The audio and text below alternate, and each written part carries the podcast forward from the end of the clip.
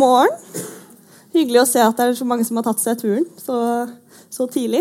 Eh, velkommen til eh, Samfunnet sitt møte om kunstig intelligens i helsetjenesten. Eh, se for deg at du blir innlagt på sykehuset 50 år frem i tid pga. en alvorlig sykdom. På sykehuset blir du møtt av en maskin som diagnostiserer deg. Etter hvert blir du lagt inn på sykehuset og blir behandlet av enda en maskin. Hva ville du tenkt om det? Hadde det vært skremmende, eller hadde du følt at du var i trygge hender? Og er dette scenarioet i det hele tatt realistisk? Eh, kunstig intelligens er på fremmarsj, og det sies at, det overfor, at, vi står overfor et paradigmeskifte.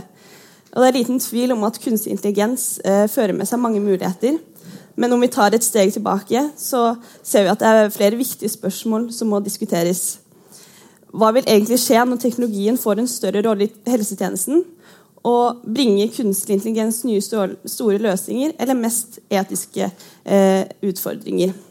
For å gi oss mer innsikt i eh, dette temaet har vi fått besøk av disse tre fagpersonene. Eh, forsker og lege Ishita Barua. Her. Takk for at du kom. Sivilingeniør og leder for NORA, Claes Pettersen. Og sivilingeniør og sosialantropolog Runar Gunnerud. For at Vi hører mye snakk om kunstig intelligens overalt, egentlig. Ehm, jeg føler det er veldig få som egentlig vet hva som ligger i, i det. Klas, kan du prøve å gi en forklaring? På Ja, det kan jeg absolutt. Eh, når folk tenker på kunstig intelligens, så er det ofte det, med det som vi kaller artificial general intelligence. som vi tenker på. Folk har sett disse filmene som ofte er veldig dystopiske. The Matrix, Terminator, eh, kunstig intelligens som løper løpsk. Eh, det er ikke det vi forsker på. Stort sett De fleste forskere forsker på en type kunstig intelligens som vi kaller narrow eller smal kunstig intelligens, som er retta inn mot et felt. F.eks. Eh, diagnostisering av kreft, bildegjenkjenning, eh, sånne ting som det. Så, så den der eh, frykten for en slags kunstig intelligens som blir smartere enn mennesket, og som tar over verden, eh, den er eventuelt veldig langt fram i tid. Og, og, det er egentlig en helt annen debatt. Da. Det er mer enn nok av spennende ting å snakke om som er reelt og her og nå rundt den smale kunstige intelligensen. da. Jeg vil gjerne legge til den eh, ene fine definisjonen, fordi, fordi eh, jeg jobber da i et selskap som heter Accenture, et stort eh, konsulentselskap. og vi bruker jo dette begrepet veldig mye rundt omkring i verden. Og det kan dreie seg om som nesten direkte oversettelser om maskinlæring, eller det kan dreie seg om mer bruk som språkgjenkjenning og, og bildegjenkjenning, som Claes nevner.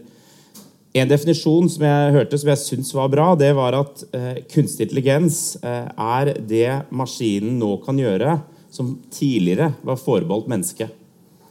Så på den måten så, så, beveger definisjonen seg fremover sammen med teknologien. Så det dere husker som kunstig intelligens for fem år siden, eh, det er kanskje i dag hverdags. Og mobilen og Siri og og OK Google det er eh, på en måte en del av den teknologien. og Sånn vil vi nok også se framover. At eh, vår definisjon av begrepet kunstig intelligens beveger seg etter hvert som teknologien blir mer og mer moden.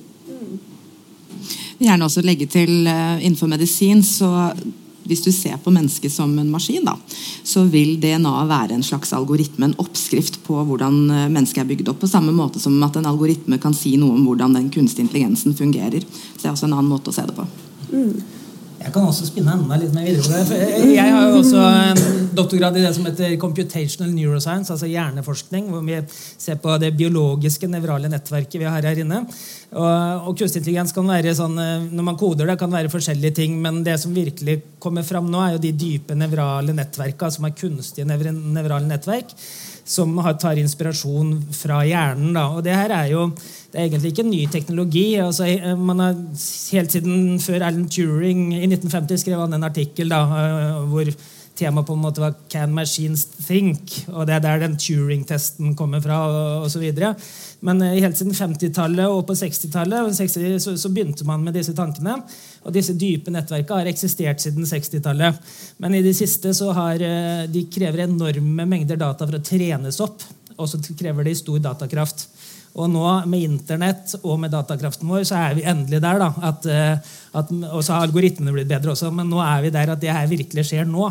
Det er først nå at uh, kunstig intelligens er bedre eller like god og, til, som menneske til å gjenkjenne ting i bilder, f.eks. Mm. Vi retter blikket mot helsetjenesten. Hva brukes det hovedsakelig til i helse, helsenæringen, helsetjenesten? Um, jeg kan, begynne, jeg kan, begynne, med en disclaimer. At vi egentlig ikke bruker kunstig intelligens uh, per dags dato. Uh, vi bruker nesten ikke teknologi omtrent. Bruker faks og den type ting ennå. Sånn at um, Da har jeg tatt det først. Men det forskes mye på kunstig intelligens, men det er fortsatt på forsøksstadiet. Så vi prøver ved enkelte sykehus. Det er fortsatt sånn håndfull med sykehus som driver forskning på det. Og Da bruker man det som, en, som, et verktøy. Klinisk beslutningsstøtte heter det da. Da skal de hjelpe klinikerne, altså legene og sykepleierne til å enten diagnostisere bedre, eventuelt uh, gjøre behandlingen bedre. Så det er på det stadiet ennå. Uh, sånn som radiologer, altså de som bruker uh, røntgenbilder og seter til å vurdere om det er brudd, eller om det er noe som er der som ikke skal være der det er et uh, veldig virksomt verktøy, altså kunstig intelligens innenfor radiologi. Da kan du på en måte la maskinen vurdere disse bildene i mye større kvantum enn det du hadde klart med bare radiologene alene.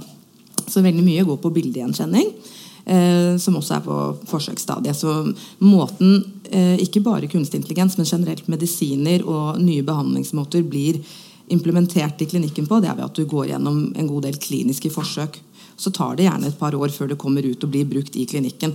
Det er akkurat det samme med medisiner. Er, du bruker aldri noe nytt som ikke du har evidens for at vil virke. Jeg vil gjerne skyte inn det her, for at det, som, som konsulent da, og, og, rådgiver til eh, Jeg jobber innenfor helse og offentlig sektor. Um, så, så, ser vi jo det at å, eh, for teknologien å bevege seg inn i legenes atmosfære um, og deres arbeidssituasjon det, det krever veldig mye evidens og, eh, og er ofte ja, vanskelig å få til. Så det vi, det vi har eh, funnet ut gjennom en del undersøkelser Vi gjorde bl.a. en stor undersøkelse i fjor blant 180 eh, helseledere rundt omkring i verden. Og spurte dere om hvor, hvor ser dere potensialet i, i kunstig intelligens innenfor helse. og det, det vi prøver å, å, um, å, få frem i den undersøkelsen, er hvordan disse svært avanserte Vi kaller det litt månelandinger. ikke sant? Å bruke, eh, bruke kunstig intelligens til å, til å finne kreft eh, og en del medisiner og diagnoser. Så kan man bruke også kunstig intelligens til å gjøre de litt mer kjedelige kall det backoffice-oppgavene eh, i et sykehus og i det norske helsevesenet spesielt. Fordi vi står overfor eh, en eldrebølge. Vi står overfor et bærekraftsproblem i det norske helsevesenet eh, som vi ikke helt veit hvordan vi skal løse i dag. Eh, der er det mange gode initiativ rundt omkring. Jeg nevnte Horten kommune, som har begynt med kunstig intelligens for å flåtestyre hjemmetjenesten. Så de optimerer på en måte ut fra hvordan skal vi gi best mulig, best mulig behandling og pleie i hjemmetjenesten med færrest mulig eh, sykepleiere. Så det å, det å ta det i bruk også på backoffice eh, tror vi er noe som vi virkelig kan se det få verdi og effekt eh, mens vi venter på de, den, den, store biten innenfor diagnose. og Mm. Det er klart at det også representerer en effektiviseringsmulighet. Når vi har den forskutteringen av eldrebølgen som vil komme, og det allerede nå er eh, ganske mye å ta tak i um, som helsepersonell, så tenker jeg at det også vil effektivisere litt av den tidsbruken. For per nå så bruker man 60-65% av tiden som lege foran skjermen bare. Altså ikke til pasienten, men bare for å se og skrive ned det som på en måte er uh, det du må dokumentere. Og det er dårlig ressursbruk, så man ser for seg at kunstig intelligens kanskje kan rette opp i den skjevheten. Mm. Hva slags rolle tror du legene kan komme til å få med denne utviklingen? Eh, jeg kan starte med å si at jeg tror ikke vi blir arbeidsledige. Jeg tror at det blir en eh, oppgaveglidning, kanskje. At vi får en ny rolle. Litt mer som konsulenter. Eh, jeg tror at den biten med monitorering vil bli mye bedre. Og så tror jeg at den hands on-tiden med pasientene Jeg ser ikke for meg at maskinene går inn sånn som i starten hvor, man, hvor, du beskrev at man blir møtt av en robot. Jo, kanskje i form av en chatbot, men jeg tror fortsatt mye av den kontakten, den fysiske kontakten vil gjøres av en lege. Men jeg tror at eh, den oversikten, eh, den eh, mangelen på tid med pasienten, den tror jeg vil bli bedre. Så jeg tror du bare får en annen rolle. Jeg tror du får en overordnet rolle, kanskje. Du får mer pasienttid. Det er det jeg ser for meg. Så er det jo skrevet veldig mye om dette her. Det er en bok som heter Deep Medicine, skrevet av Erik Toppo, som er både lege og spesialist innenfor dette med kunstig intelligens innenfor klinikken. Eh, og Der beskriver han nettopp dette her, at kanskje kunstig intelligens kan rette opp den skjevheten og vi fører oss til et bedre sted enn hvor vi er i dag. Ja, det er altså Knallbra bok hvis dere er interessert i kunstig intelligens innenfor medisin. Så, så les Erik Toppels eh, Deep Medicine. Den er knallbra. Eh, men jeg er helt enig. Eh, Dilemmaet i media er ofte eh, skal kunstig intelligens ta over eh, legenes plass, eller ta over den og den og dens plass. Men det som kommer til å skje, eh, det er et av en radiolog for eksempel, som da sitter og tyder bilder. Eh, det er ikke det at kunstig intelligensen tar over radiologens jobb, men den radiologen som bruker kunstig intelligens, kommer til å ta over for radiologen som ikke bruker kunstig intelligens. Så det er den veien det går. Så for dere som er unge og studerer, og sånn, kunstig intelligens kommer til å gjennomsyre veldig mange fag framover. Så det å ha litt innsikt i hva det her er, det, det tror jeg blir viktig for veldig mange. Så ta de fagene der. En, en, en, morsom tanke på den eh, det første historien du forteller, eh, eh, det er jo Hva blir man møtt med når man kommer inn på sykehuset?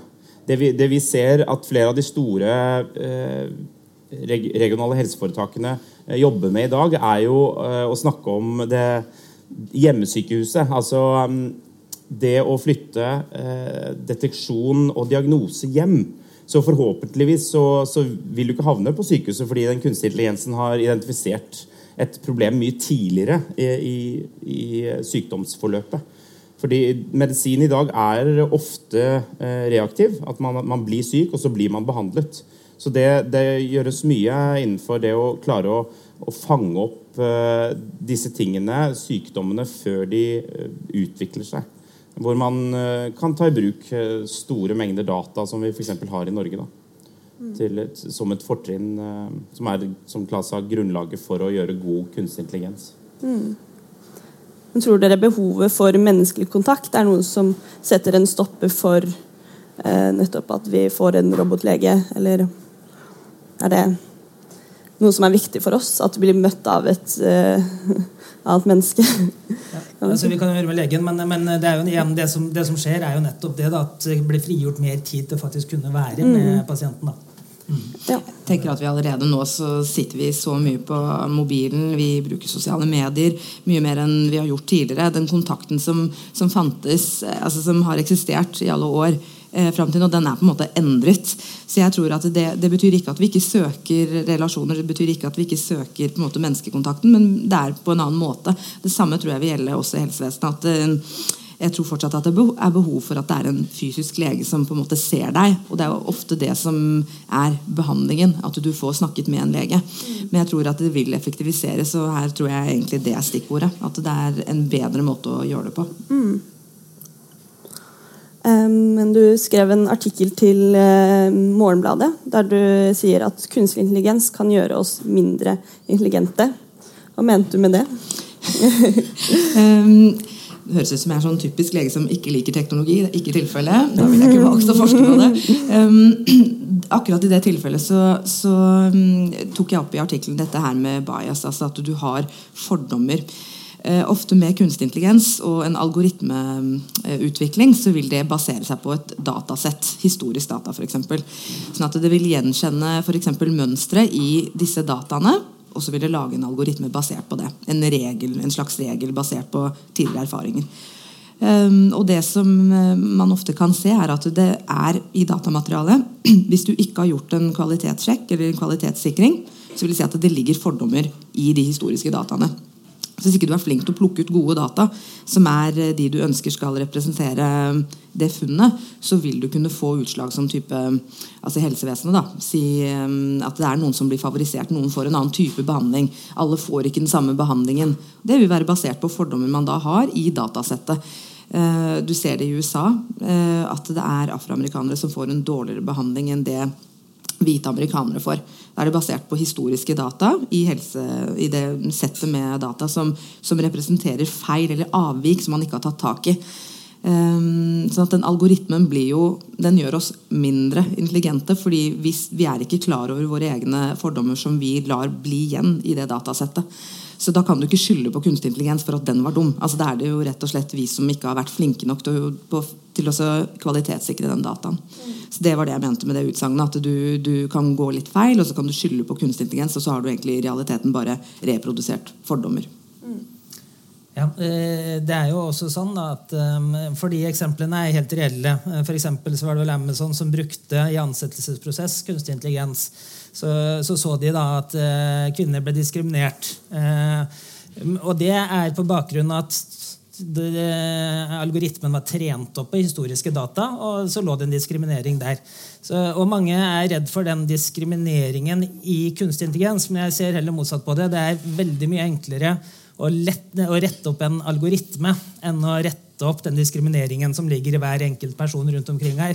Så vi kan faktisk bruke det til et verktøy til å bli kvitt mye av den eh, diskrimineringen som historisk sett eh, har vært.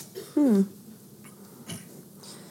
Du nevnte noe om um, blackbox-beslutninger, Klas, i går. Kan du Ja, igjen, da. De moderne Eh, typene for eh, kunstig intelligens, som er dyp læring, disse dype nevrale nettverka, eh, de imiterer hjernen, og de, de, har små noder som imiterer hjerneceller, som er kobla sammen på en måte litt inspirert av hjernen. Da. Og de blir veldig uoversiktlige. Eh, så hvis du skal gjøre, ta en beslutning da, ved hjelp av en kunstig intelligens-algoritme som er bygd opp på den måten, så er det vanskelig å forstå hvorfor beslutningen ble som den ble. Den blir trent opp på masse data. Og f.eks. når det gjelder å diskriminere en katt fra en hund, eh, så er det veldig enkelt. Du ser fasiten, og du ser ja, han gjør riktig, men hvorfor han sier at det bildet er katt, og ikke hund, det er vanskelig å vite. Og, og det, I eksempelet katt og hund så er ikke det noe problem, uh, muligens. Men hvis skal hvis Nav, hvis andre etater begynner å bruke kunstig intelligens som beslutningsstøtte, så er det mange steder i samfunnet du krever en begrunnelse. Eh, hvis du får et avslag av Nav eller et råd av Nav om å ta det kurset eller gjøre det for å bli mer attraktiv, så vil du gjerne vite hvorfor. Eh, og Det er en ting som det blir forska veldig mye på. Da, altså Gjøre kunstig intelligens også forståelig, da, på en måte transparent. Eh, og black box betyr jo nettopp det, da, at du pøser inn noe, og så får du ut noe, men du vet ikke hva som skjer inni den sorte boksen. ikke sant? Og det er en fare med kunstig intelligens, at det ofte kan være vanskelig å forstå grunnlaget for beslutningen. Mm. Legge til der, for, for, du nevnte Nav, som sagt. og I forvaltningsloven så står det at uh, hvert vedtak fra offentlig sektor skal kunne begrunnes og forklares. Ikke sant? Så den blackboxen blir, blir vanskelig. men innenfor medisin så har man, så man utvikla en helt annen metode, hvor man, man, bygger opp evidenser basert på forskningsdesign som som du sikkert kan nevne mye mer om. og Der aksepterer man at man ikke nødvendigvis forstår hvorfor noe virker, men man har nok bevis for at det virker. Så man har kanskje nettopp innenfor helse da, så har man større rom for og aksept for at uh, så lenge man gjør gode forskningsprosjekter, så, så aksepterer man den svarte boksen. Det er spennende. Det er jo litt sånn uh, altså Disse firmaene som lager kunstig intelligensprodukter, og som gjerne vil at helsevesenet skal ta det i bruk, de har også gjort tester som viser at det, det har veldig god effekt. Men deres tester er basert på selve produktet og hvordan det i seg selv kan brukes. Ikke nødvendigvis av klinikere. Så det vi er opptatt av i forskningsgruppen min, som heter klinisk effektforskning, som navnet tilsier, så er vi opptatt av har noe egentlig effekt. Eh, så enten det er medisiner, at det er en behandlingsmetode, eller om det er kunstig intelligens, så lager vi studier som ser litt på hvordan noe virker, og hvorfor det virker, og om det virker. I dette tilfellet så jobber vi Det jeg forsker på, er eh, tarmkreft, og hvordan du kan bruke kunstig intelligens til å, til å rett og slett se på forstadier og skille mellom forstadier til tarmkreft. Eh, det passer veldig bra. I dag er verdens kreftdag. Eh, å ta opp dette temaet med tarmkreft det er eh, en av de vanligste kreftformene vi har. Det er et økende problem i befolkningen, og Norge er dessverre i ledelsen. altså Vi, vi er blant de i verden som får aller mest tykktarmskreft. Så I akkurat dette prosjektet så ser vi på hvordan kunstig intelligens kan skille mellom ulike former for det vi kaller polypper, altså disse forstadiene for tarmkreft. Og da er det Sånn at Vi tester ikke kunstig intelligens alene versus en lege. Altså Det er ikke legen mot kunstig intelligens. Det er en lege, sånn som du var inne på, Klas. Eh, det er legen med og uten kunstig intelligens. Hvordan virker det? Så ser vi veldig gode resultater, men vi er ikke ferdig med forskningsprosjektet ennå. så jeg kan på en måte ikke gå ut med funnene. Men vi tester da om legen alene uten noen virkemidler om den vil være bedre egnet til å vurdere det enn en lege med kunstig intelligens som verktøy. Sannsynligvis vil du ende med at det siste vil være et bedre alternativ. Men da har du evidens, eller da kan du faktisk si klart, basert på funnene, at ja, det vil fungere. Og det er sånn kunstig intelligens kan bli implementert i helsevesenet. At du faktisk har noe å komme med, at du har resultater å vise til. Mens det at eh, firmaene sier at dette her fungerer, det holder på en måte ikke. Eh, da har de ikke testet det godt nok opp mot det som faktisk er eh, brukt i praksis. Mm en liten kommentar. Eh, ha, det i bakhodet, alle sammen, at dere kommer til å se mye i mediene framover om ting som er mislykka innen kunstig intelligens. Kunstig, altså, det er fordi at det her det skjer nå. Bruk av kunstig intelligens i medisin f.eks. Det er noe som eksploderer i forskningsverdenen nå. Eh, så nå begynner det å bli utprøvd i klinikk, og man kommer til å se resultater som feiler, og som, eh, som også er bra. Eh, og man kommer til å se selvkjørende biler som krasjer. Man ser alle disse tingene der. Men, men, kunstig intelligens har eksplodert siden, siden 2012. Det var først da man begynte virkelig å kjøre stor prosessering. Da man begynte å bruke grafikkort i datamaskinene for å parallellprosessere. Man, man, regner mye fortere nå da, enn man gjorde før, og det her eksploderer. Og det er først noen få år siden at eh, f.eks. innen bildegjenkjenning at de innen visse felt er like gode som menneske. Uh, så, så, dette er noe som skjer nå. Vi er midt inne i den tidsalderen nå, så det er noen veldig spennende år som, som kommer, med mye prøving og feiling framover. Mm. Men kan dere se for dere at det kommer til å oppstå noen etiske dilemmaer i utviklingen? Og har dere allerede oppstått noen? Ja, um, etiske dilemmaer er det ganske mye her. og det er blitt nevnt, eh, De, de viktigste handler om uh, at man har skeivhet i de dataene man bruker til å trene. For veldig mye av den kunstige intelligensen baserer seg på at man har store mengder relativt strukturert data. Uh, så, så, de kan føre til at man uh, diskriminerer enkelte grupper, eller at man tar med seg fordommer. Og hos oss så er det noe av liksom grunnutdanningen innenfor kunstig intelligens handler om å gjøre det på en etisk måte. Både å forstå hvordan man skal kunne identifisere og fjerne den type bias i dataene, men også det å forstå effekten av det å innføre et sånn type eh, system. Eh, for i, når, når, man får denne kraften, datakraften og all den historiske dataen, så kan man kan man gjøre om på ganske mye i arbeidslivet. Det er, eh, det er snakka om Dere har sikkert hørt om at man, man tar i bruk dette innenfor juss og en del andre typer yrker som tidligere ikke har vært påvirka av automatisering. Så det at man forstår konsekvensen for arbeidslivet, det er viktig. I Norge så har vi et veldig fundamentert trepartssamarbeid som vi håper at vi kan løse dette felles på en god måte. Mens i andre land så fører det kanskje ofte raskere til nedskjæringer og folk som mister jobbene sine. Så der igjen så står Norge godt eh, rusta, mener vi. Ja, det er jo det er, altså det er fryktelig mange etiske dilemmaer med kunstig intelligens. Eh, og det er også spennende fagfelt i seg selv. Eh, men en av de tingene som dere skal være litt obs på, det er også den der selvforsterkinga som er gjennom eh, personifisering. Eh, når, når, dere bruker Google, så får dere opp resultater etter hva dere har søkt på før. Eh, så to personer her i rommet får ikke nødvendigvis opp de samme treffa, selv om de søker på akkurat samme ord. Det betyr at når dere skriver en oppgave hjemme, hvis dere på fritida surfer veldig mye på litt tvilsomme horoskopsider, og litt forskjellig sånn, så får dere opp helt andre resultater enn en som surfer på de riktige sidene. For å si det sånn. Så du har en selvforsterking. Eh, du, du får et slags ekkokammer eh, også i sosiale medier. Det du klikker på, det du er inne på, det er de sakene du får. Eh, og den selvforsterkinga er jo ikke nødvendigvis heldig. Da. Det kan jo øke til en, eller føre til en økt splittelse. Og det kan også eh, brukes av de store firmaene. Det er jo Facebook, Google som sitter på data om dere. De kjenner dere antageligvis bedre enn dere gjør selv.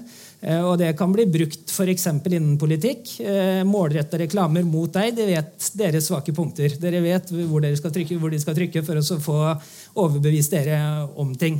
Og det her har jo blitt brukt i valgkamper allerede. Eh, så det her er også etiske dilemmaer og ting man må være veldig obs på. Hmm. Hva slags betydning har det for samfunnet at kunstig intelligens blir stadig mer eh, integrert i hverdagen vår. Har dere noen tanker om hva slags ja, altså Det er jo bare til å se på den her. da. Jeg ser flere av dere sitter oppe med den allerede nå. Altså Den eh, følger dere overalt. Eh, måten dere bruker den på, kan si om dere er glade eller misfornøyde eller sure. Når dere er på Facebook, så er det kunstig intelligens som ligger bak at dere får de treffa, de sakene opp som, som dere følger.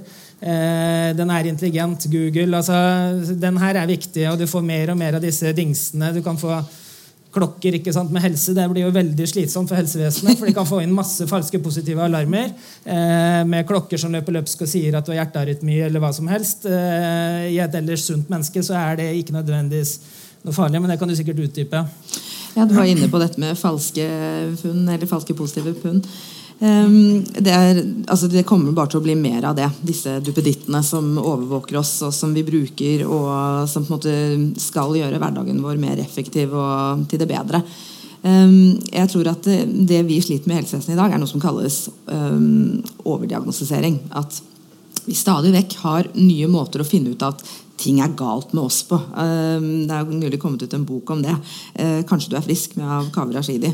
Eh, og da snakker han om dette fenomenet, eh, hvor du på en måte kan ta disse selvtestene. Eventuelt at du bestiller en eller annen form for navneundersøkelse hvor du får vite at det er noe galt med deg. Men så stopper det der. Altså, den, huker, den, vil gå av for at det er noe galt med deg, men ikke hva, og at du må oppsøke lege det er litt vårt problem med hvorfor vi ikke bruker type Apple Watch til å diagnostisere folk. Altså Den vil si fra om at du kanskje har en um, galopperende hjerterytme, at du har en, det vi kaller for en arytmi. Og så vil Apple oppfordre deg til å ta kontakt med legen. Det er jo et avvik. altså Ja, du har en uh, litt unormal hjerterytme, og du bør oppsøke lege. Hvis alle skulle gjort det, alle som har disse arytmiene, så ville det bety at vi blir fullstendig overbelastet. Og så er det ikke nødvendigvis noe farlig. sånn at det, De fraskriver seg ansvaret fra på en måte å følge opp og gjøre selve utredningen og behandlingen. De bare vil si fra til dem at noe er galt. Er den informasjonen egentlig nyttig, og i hvor mange tilfeller er, det, er den egentlig reell? Sånn at Det vi er redd for, er at eh, i helsevesenet, er at du skal få flere av disse um, apparatene eller utstyret som kan teste deg for om det er noe som helst galt med deg. Det vil alltid være noe galt med noen. Man bare leter lenge nok, sier vi i medisinen. Det er første leksjon i, i anatomi.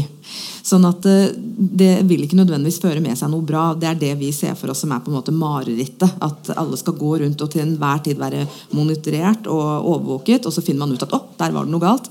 Som egentlig ikke er noe galt. Det er et, et falskt positivt funn. Det er det man kaller det for. Eh, så overdiagnostikk, som allerede eksisterer med de testene som finnes, det kan bli et økende problem med kunstig intelligens. Og da spørs det om du klarer å trene opp kunstig intelligens til også å bli stadig mer intelligent og skjønne hva er et reelt funn, og hva er på en måte noe som ikke trengs å tas hånd om nødvendigvis. Sånn som det er i dag, så har de, eh, de algoritmene som er godkjent eh, av det amerikanske legemiddelverket, altså FDA, de er jo godkjent for egentlig statiske algoritmer. altså Det kan ikke forandres, den regelen som ligger i bånn. Um, og sånn som Det er nå, så er det, det er, det er ikke så veldig mange. Det er omtrent 40-50 som har fått den godkjenningen. Så det går ikke like fort der som det det kanskje gjør innenfor legemidler. Um, og der er man redd for at uh, noen av de algoritmene de, de, vil på en måte vise at det er noe som er galt, men de, gjør, de, tar på en måte ikke steget fullt ut. Fordi Apple har på en måte ikke den godkjenningen at det skal drives som en lege, men de har godkjenning for den algoritmen til å finne ut at det er en si galopperende hjerterytme. Mm. Så det er det vi er redd for. Ja. Vi var litt inne på det i stad, det med at de store selskapene får eh, kanskje et slags monopol på kunstig intelligens. De har tilgang til så mye data.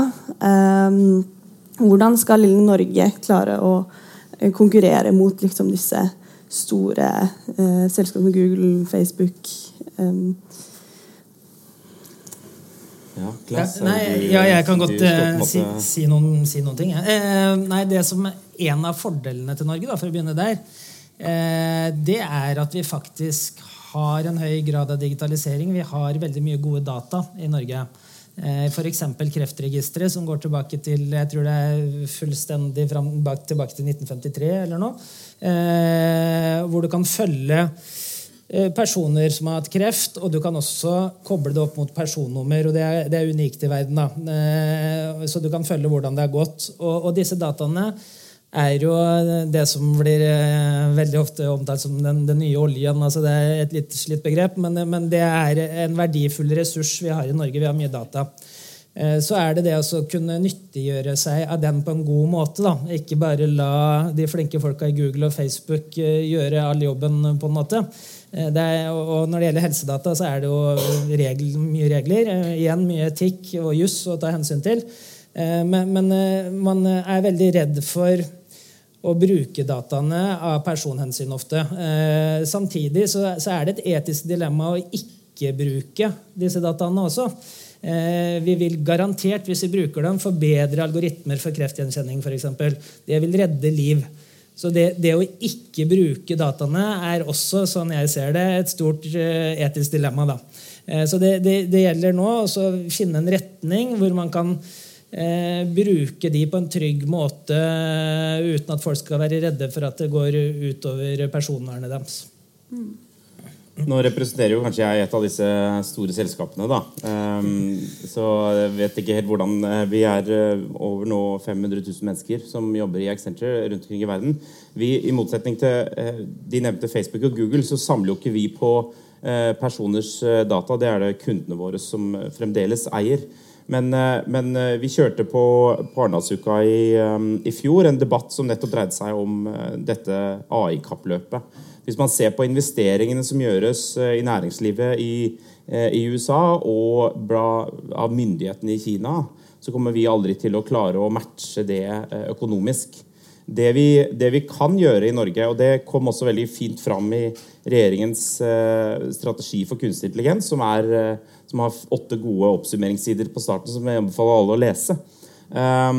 Der, der kommer det fram hvordan vi kan utnytte vår posisjon i Norge.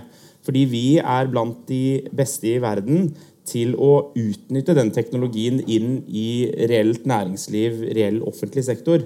Eh, og jeg jobber i et, som sagt, et globalt selskap hvor det ofte sies 'look to the Nordics'. Fordi vi har systemer, vi har kontroll på dataene, vi har god forståelse av jussen. Ehm, vi har tillit til myndighetene, som gjør at vi kan dra nytte av dette. Eh, og så må vi passe oss for å ikke gå i disse etiske dilemmaene og, og misbruke det. Men, eh, men det, det, er faktisk et område hvor Norge kan være eh, internasjonalt veldig, veldig langt fremme. Utnyttelse av den nye teknologien som kommer fra de ulike selskapene. Mm. Der vil jeg gjerne trekke frem, Vi har jo et naboland som er veldig dyktig på det. Altså Finland gjør dette her helt glimrende. Uh, der var det uh, en minister, en finsk minister som uttalte ganske for noen år siden at uh, finnene de er, de er, veldig godt klar over at amerikanerne og uh, kineserne er langt fremme i utviklingen. De kan ikke, Finnene kan ikke drive og konkurrere med amerikanere og kinesere på det, for de har et helt annet datasett og tilgang på et mye større datasett og også ressurser. Men det finnene ønsket å bli verdensmester i, var applikasjonen, altså bruken av eh, kunstig intelligens.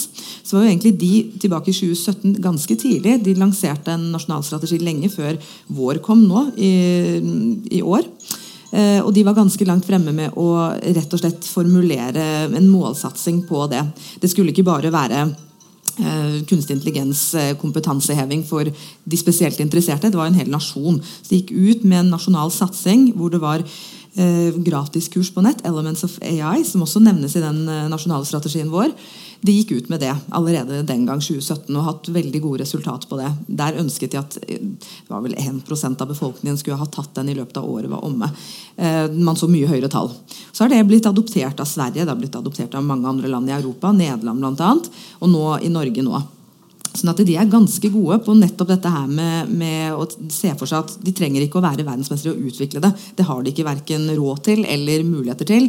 Men de ser for seg at befolkningen skal være best mulig rusta til å både forstå kunstig intelligens, men også ta det i bruk. Og Det tror jeg er en sånn holdning som også vi i Norge eh, kan satse på. Lære litt av finnene der at eh, man trenger ikke å være først eh, eller best til å utvikle det, men til å kunne bruke det. Der har vi en helt unik sjanse til å være best.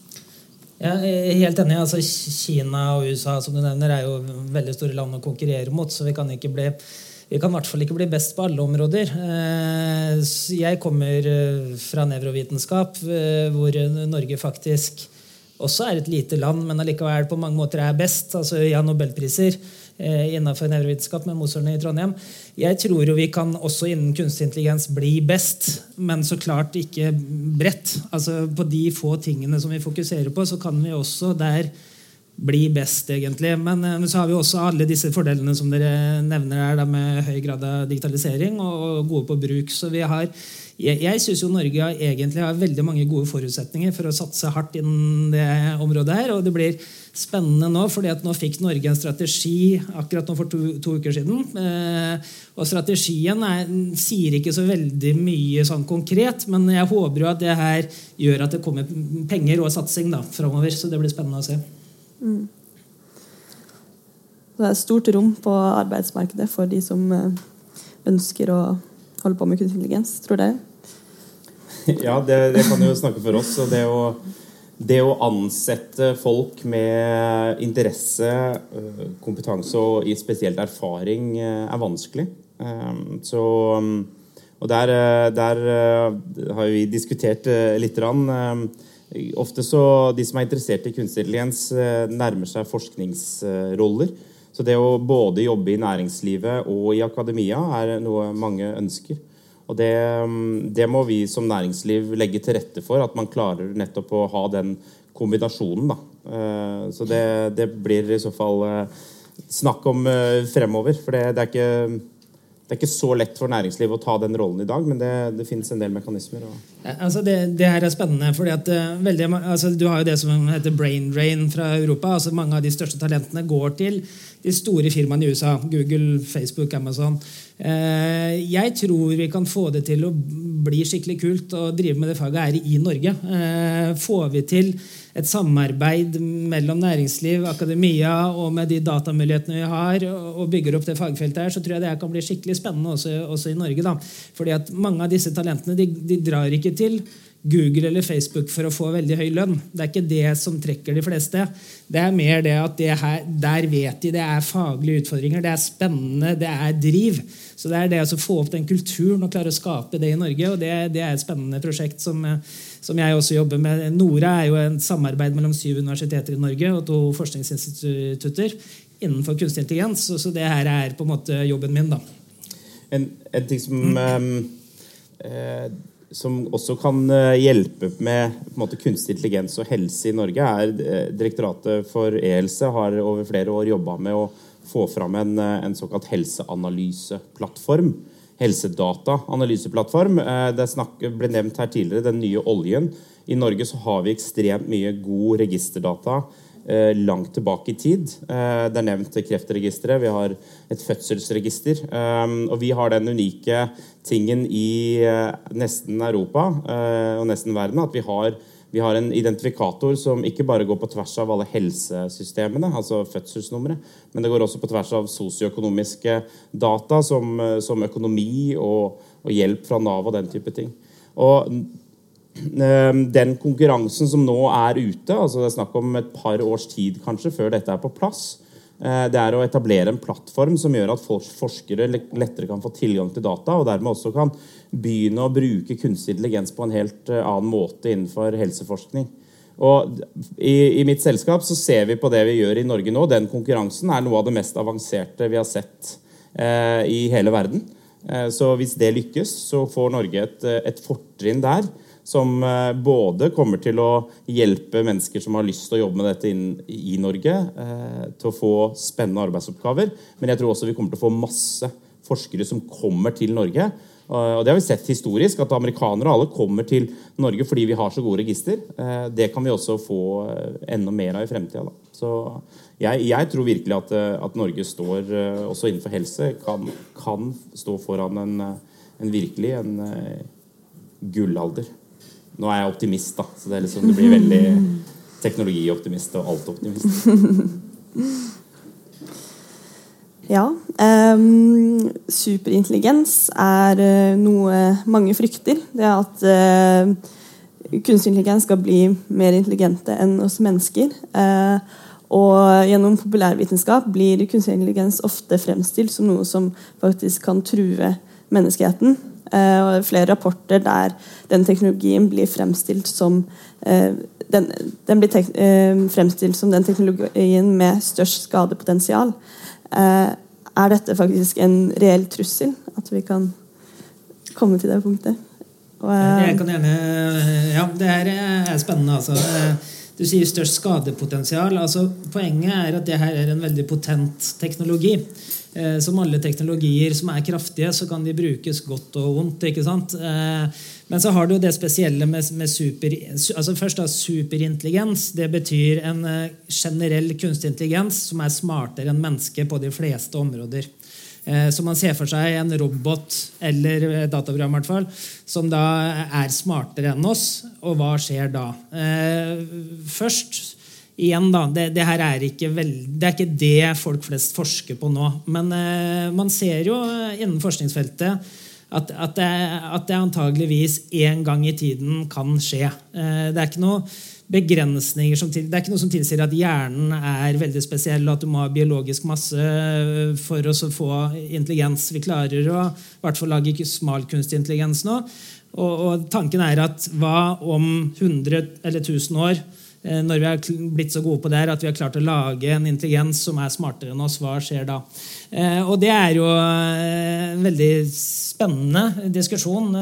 Mye filosofisk, da, for det er mye viss og om.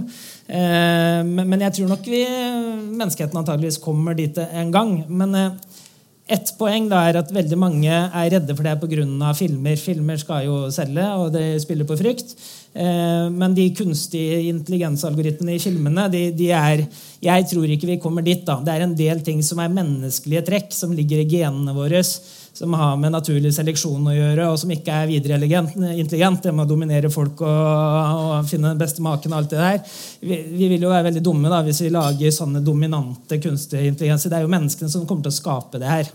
Eh, så, så, jeg deler ikke den frykten. Jeg tror ikke vi kommer til å legge inn alle de negative trekka hos menneskeheten inn i de intelligente algoritmene. Eh, men igjen, det her er langt fram. Det, det, er jo nok av etiske og interessante dilemmaer å ta tak i i den smale kunstig intelligensen som vi for det meste diskuterer og driver med. Mm. Men det er jo, det, Du har rett i at det er mye det er media på det, og Elon Musk eh, er, er veldig redd for det og spytter penger i det, og andre, andre, forskere. Så det er jo noe som opptar en del. Men for de som leser en del om det, så, så blir det veldig filosofisk.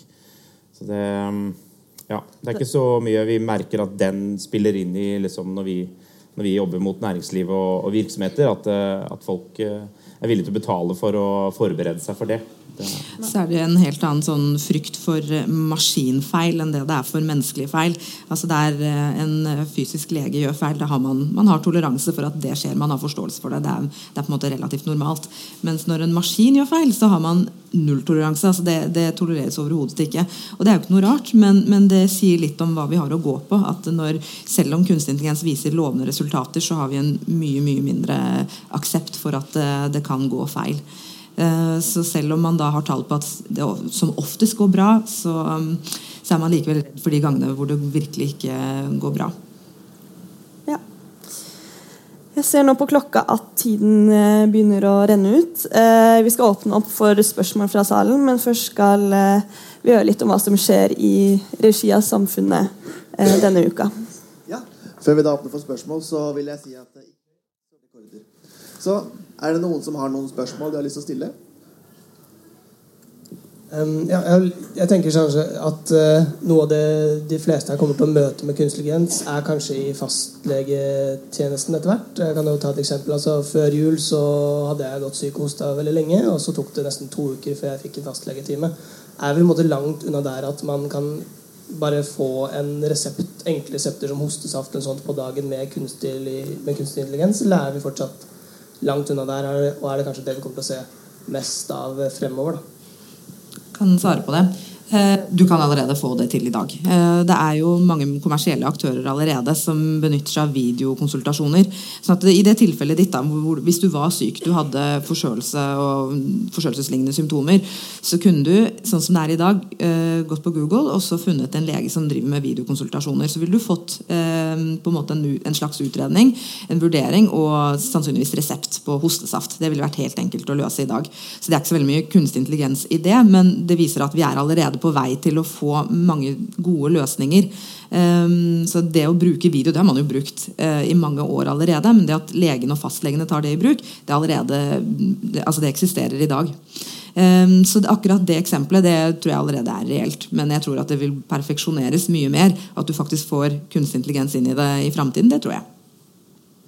En, eh, en, kjapp kommentar til det. for Du nevner jo noe med altså Fastlegene, som de som leser i media, har jo sett at det er en av de yrkesgruppene innenfor helsevesenet som virkelig er under press. Eh, så det at teknologien skal hjelpe de med å være mer effektive og kunne bruke mer av sin tid eh, mot pasient, det, det, tror er, det, tror jeg er, viktig. Men hvis dere ser på tall om hvor mange konsultasjoner i det norske helsevesenet som eksisterer, og hvor mange av de som er på fastlegene, så er det rundt 70 så de fastlegene er det vi kaller en gatekeeper innenfor det norske helsevesenet. Og uten at de tar, står der og tar den første støyten, så kollapser alt bak. Så det å, å styrke deres uh, rolle og, og, deres, uh, og, gi de beslutningsstøtte da, uh, For at de skal, de skal, virkelig håndtere et bredt spekter. Det, det er noe som, som, det forskes på, og som kan være kjempespennende. Fordi Vi har snakka mye om spesialiserte radiologi, tarmkreft, som er veldig veldig spesialiserte sykdommer. Mens det å, å, være en fastlege og skulle svare på alt mulig av spørsmål, der, eh, der tror vi det er et stort potensial i å hjelpe fastlegen. Så det vi også tror er at Akkurat nå så bruker du Google eh, før du kommer deg til fastlegen. Eh, det vi håper på er at kunstig intelligens kanskje kan hjelpe den linja der før du tar kontakt med fastlegen. Så at f.eks. en chatbot vil kunne fungere ypperlig. At du stiller spørsmål, gode spørsmål, så blir du peilet inn på det som er riktig valg for deg. Om det er noe som du kan løse der og da, om det er helseangst, du lurer på om et myggstikk om det egentlig er noe du kan dø av. Altså Googler du nå, så kan du sikkert få kreft som svar. Mens vi vil at de systemene skal bli mer intelligente, sånn at chatboten faktisk kan fortelle deg nei, dette er veldig lite sannsynlig. Og så vil, vil, de komme med noen oppfølgende spørsmål som vil være mer retta mot trenger du legehjelp, trenger du å oppsøke legehjelp eller ikke. Sannsynligvis i dette tilfellet ville det vært nei. Da hadde du spart helsevesenet for en helt unødvendig konsultasjon, mens du før ville dukket opp hos fastlegen og ikke fått time i hvert fall på fire uker fordi at det er ikke så farlig, ville eh, den helsesekretæren eller legen forstått, men kanskje ikke du som sitter med den angsten. Noen flere spørsmål? Eh, kan det at en har mer kunstig intelligens, føre til at befolkningen blir overmedisinerte? At vi får medisiner vi egentlig ikke har behov for? Um, jeg var litt inne på dette med overdiagnostikk. Det er jo det vi prøver å unngå. Jeg tror ikke kunstig intelligens kommer til å lede til at man får mer medisiner. Tvert imot så søker man mot at man skal begrense det og bare bruke det der det er nødvendig. Uh, så jeg tror at det kan bli f.eks. dette med antibiotikaresistens, som kommer som følge av at man bruker bredspektra antibiotika mot alt og ingenting det kan bli enda bedre. Du sitter på datasett som vil være mye bedre til å beregne hvem skal ha hvilken antibiotika. Vi i Norge vi er kjempeflinke på antibiotikabruk, men fortsatt så er det et stykke igjen til vi er perfekte eller til vi er mer optimale. Men jeg tror den type ting, det, er akkurat nettopp det der vi er redd for, og som vi er veldig bevisste på at kunstig intelligens skal ikke lede oss til å bruke mer og unødvendig rettede tiltak. Det er mer eh, at det blir persontilpasset medisin. Så jeg tror at det kommer til å hjelpe. Ja, eh, der ser du jo altså Kunstig intelligens virkelig fører til persontilpasset medisin. Da, så Det er jo et stort felt innen, innenfor faget. Eh, F.eks. brystkreft er jo ikke brystkreft. Det er forskjellige typer, og det er masse medisiner. Og akkurat hvilken medisin som skal virke til deg, eh, der, der forskes det veldig mye. Men der, i, i sanne tilfeller så kommer kunstig intelligens til å være viktig beslutningsstøtte. Da. Noen flere? Hei, takk for veldig bra møte. Um, jeg lurer litt på kostnadene rundt dette. Uh, først og fremst kanskje kostnadene ved å implementere det, men også langtidsperspektivet samfunnsmessig. da. Kommer vi til å spare mye penger på dette, eller kommer det til å bli dyrere?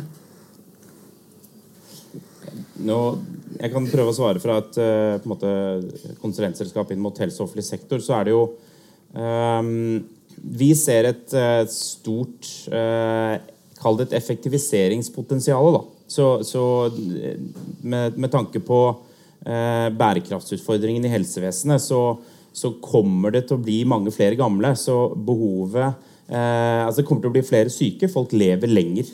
Eh, og får ofte, jo eldre man blir, jo mer kompliserte form for sykdom får man. Så eh, dette skal, kan være med å hjelpe oss å håndtere den eh, byrden.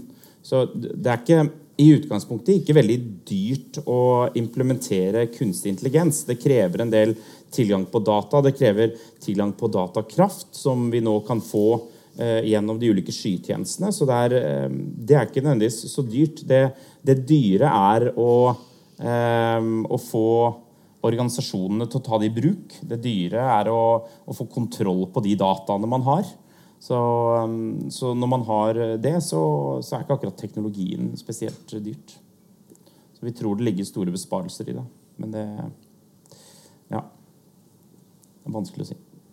Dere snakka om eh, at vi har unike data i Norge. Men hvordan er det med å bruke medisinske data på tvers av landegrensene? Hva slags juridiske begrensninger er det? Og, eh, og hvordan kan dette da brukes f.eks. å få fram differensialdiagnoser i, i diagnostikken? Eh, det drives jo veldig mye forskning på tvers av landegrenser, også innenfor helse. Eh, og det er på en måte det er en god aksept og en god kultur for det. Når det kommer til differensialdiagnoser, så er det Eh, veldig mye av dataen, sånn som Hvis vi skal ta eksempelet med tykktarmskreft, så bruker vi både data fra Japan og vi bruker data fra Storbritannia. Den japanske befolkningen er ganske ulik vår. Men når det kommer til f.eks. tykktarmskreft, så er, det egentlig, er det det samme datasettet som brukes. Så vi mater egentlig datasettet med eh, nye datasett fra Norge og Storbritannia, og så ser vi at det fungerer ganske greit. Der kommer kvalitetssikringen inn. At du må egentlig gå over og se at det er at, ikke, at du tar bort avvikene, f.eks. Det vil gjelde ikke bare innenfor tykktarmskreft, men all type kreftdiagnostikk og eh, utredning av andre sykdommer også.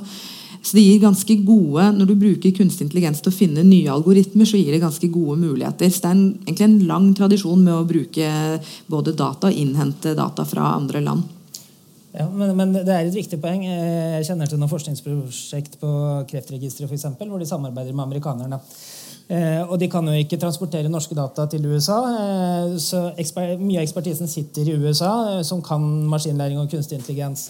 Eh, og de kan ikke få dataene våre. Eh, det, det, de prøver på, er å få til at de utvikler eh, algoritmene sine i USA, sender algoritmene til Norge, og så blir det kjørt på norske helsedata i Norge. Eh, og så kan de, og også mange ting, altså Det går an å lage fiktive data som ligner og, så videre, og anonymisere på mange måter. Men det her er eh, litt upløyd mark, så det, er, og, og, så det her er ting som vi må få klarhet i hvordan man skal gjøre det. Man kan ikke frakte helsedata over. Man kan kanskje gjøre det med algoritmer, men igjen, da må man være sikker på at ikke algoritmen tar med seg dataene tilbake. Så, og at man ikke kan via det nevrale nettverket finne personifiserte data. Så det er, det er masse spennende juss, etikk, å ta stilling til til, og det her er foreløpig litt upløyd mark, så det er viktige ting. Kommentar til det. Det er eh, sånn som Kreftregisteret, som har mye data på personnummernivå. Det ville jo aldri gått ut av landet. Eh, sånn at eh, Der ville man anonymisert dataene hvis det skulle gått ut for å bli brukt i f.eks. utvikling av kunstig intelligens eller nye registerdata. Sånn at det er det allerede, som jeg sa, tradisjon, mye tradisjoner på. Men, men det er klart at det er store muligheter for det i framtiden. Men den type forskning som man ville kunne gjort på Kreftregisterets data, det ville få blitt i Norge. Med, så lenge det ikke er anonymisert.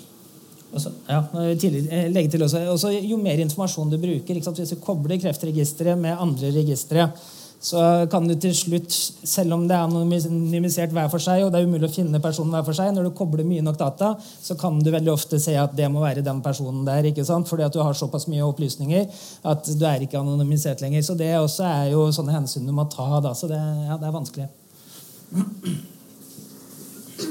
Ja, takk for en eh, god samtale med mye til ettertanke. Um, tror dere, tenker dere at i viss fremtid at noen visse profesjonsutdanninger blir litt utdatert? At det er viktig å være gode mennesker å møte, men samtidig vi blir monitorert. Vi må plotte inn litt ting, sånn at maskinene kan finne ut hva som er galt, eller gi oss de rette diagnosene og medisinene, men at vi egentlig ikke trenger kunne det så selv, eller mye pugg, når vi egentlig er tastetrykk unna. Hvis vi tar profesjonsutdanningen medisin, da. Eh, nei, jeg tror, ikke, jeg tror, ikke, det er avleggs. Jeg tror ikke man blir arbeidsledig som lege med det første. Eh, jeg tror at profesjonsutdanningen, i hvert fall innenfor medisin, må, må, på en måte endre seg. Må bli mer fleksibel og mer dynamisk i forhold til de endringene som også skjer i samfunnet. Men det gjøres fortløpende. Du har revisjoner annethvert år. Så jeg tror at det bare blir mer, eh, mer, teknologi implementert, og at du får på en måte moderne utdanninger som er tilpassa det arbeidslivet man møter. Så, som sagt så tror jeg legerollen blir endret, eh, og jeg tror at utdanningene tar høyde for det. En del av de prediksjonene vi prøver å gjøre eh, fremover, er jo hvordan den nye teknologien påvirker arbeidslivet. Og som ved innføringen av enhver en teknologi, hvis du ser tilbake til 80-tallet og også 90-tallet, så, så, er det um, om, profesjonen forsvinner, det tror ikke jeg. Men, men store deler av det man gjør, kan forsvinne. Så du endrer karakteristikken ved, ved jobbene. Um, altså den, den, klassiske skrekkscenarioet er typografen sant, som ble erstatta av printeren. Og det er klart, det, Så spesifikke arbeidsoppgaver har vi som regel ikke lenger. Uh, men det vi ser, er jo at, uh, at uh, mellommenneskelige egenskaper kommer til å bli veldig viktig i det fremtidige arbeidslivet. Hvor mange av disse mer analytiske, kalkulerende jobbene kan eh, settes ut til kunstig intelligens. Så det, det, det ser vi på som et, et fortrinn at, eh, at, spesielt ledere, men også i arbeidsstokken generelt, må ha eh, mellommenneskelige egenskaper blir, blir viktig. Da så tror jeg også du må ha en bred allmennkunnskap for at du skal kunne fange opp når, det, når, datasettet ikke er riktig. Så Si at man hadde kvittet seg med alle leger eller legeutdanningen. Hvem skal da ettergå de algoritmene og, og, det datagrunnlaget? Hvordan skal man kunne si at her er det noe som uh, ikke er riktig? Sånn at Du er nødt til å ha den grunnleggende forståelsen. Du vil bare utøve det, yrket ditt annerledes. Eh, kanskje man blir mer som konsulenter, som jeg tidligere nevnte. At du går tilbake og ser her, det er noe som ikke er riktig. Men for å kunne skjønne det, så må du ha den grunnutdanningen i bånn. Profesjons, altså profesjonsutdannelsene kommer ikke til å forsvinne, men, eh, men, det er viktig å innse at særlig kunstig intelligens er veldig tverrfaglig. Det bør inn i mange steder. Og universitetene er jo veldig tradisjonelle i måten å undervise på. Eh, nå, altså, EDB har jo kommet for å bli. Altså, vi, vi har jo forandra oss litt. Jeg ser jo På min egen utdannelse, mange av de fagene jeg tok innenfor kvantemekanikk, egentlig, da gikk jo på å sitte og løse differensialligninger for hånd, side opp og side ned i flere år. egentlig. Jeg er litt usikker på hvor mye jeg fikk igjen for det til syvende og sist. Eh, og her har vi mange hjelpemidler som hjelper oss å løse disse nå. Man må inn med å få forståelsen er viktig, så klart. Man må ha forståelse for det man driver med. Men, men denne gjentatte øvelsen i, i, ting, det kan vi overlate til uh, algoritmene, mener jeg, da.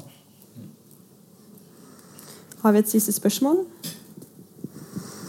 Nå har dere jo nevnt mye om USA og Kina og Europa, på en måte de sterke landene. Men hva med Sør-Amerika og Afrika? Kommer dette her til å være noe som blir gode for de òg? Eller kommer det til å bli sånn at de landene med god økonomi er de som blir forbeholdt den kunstige intelligensen og får fordeler av det? da? Og Jeg vil gjerne ta et eksempel som er veldig fint. Altså, det, jeg mener det her demokratiserer helsevesenet veldig. Du har eh, f.eks. det første som ble godkjent i USA som et diagnostisk verktøy. Det er en type blindhet som du kan få når du har diabetes. Diabetesretinopati. Eh, og nå, Før så måtte du inn på et sykehus til en spesialist for å eh, finne ut om du har det. Nå kan du gå inn og ta et bilde av netthinna di. En helsearbeider med veldig kort utdannelse kan bare gjøre det for deg, så automatisk får du diagnosen ut. Dette gjør jo at du kan gjøre det hvor som helst i verden. Så du vil få en voldsom demokratisering av helsevesenet med, med kunstig intelligens, mener jeg. da da vi gjorde et, uh, vi gjorde et sommerprosjekt sammen med et, uh, et, selskap i Trondheim som heter Pikterus, som er, spinner ut fra NTNU der, som, som har lagd et, eh, et verktøy, et, et farget kort, eh, som du legger på et spedbarn. Eh, og så tar du bilde med en, spe, en spesiell mobil, og så kan du vurdere om det er gulsot. Eh, I Norge så har vi supergode gulsotdeteksjonsmekanismer eh, allerede. Men dette er lagd for, eh, for Afrika og for India spesielt, hvor hudfargen er, gjør det vanskeligere å detektere gulsot.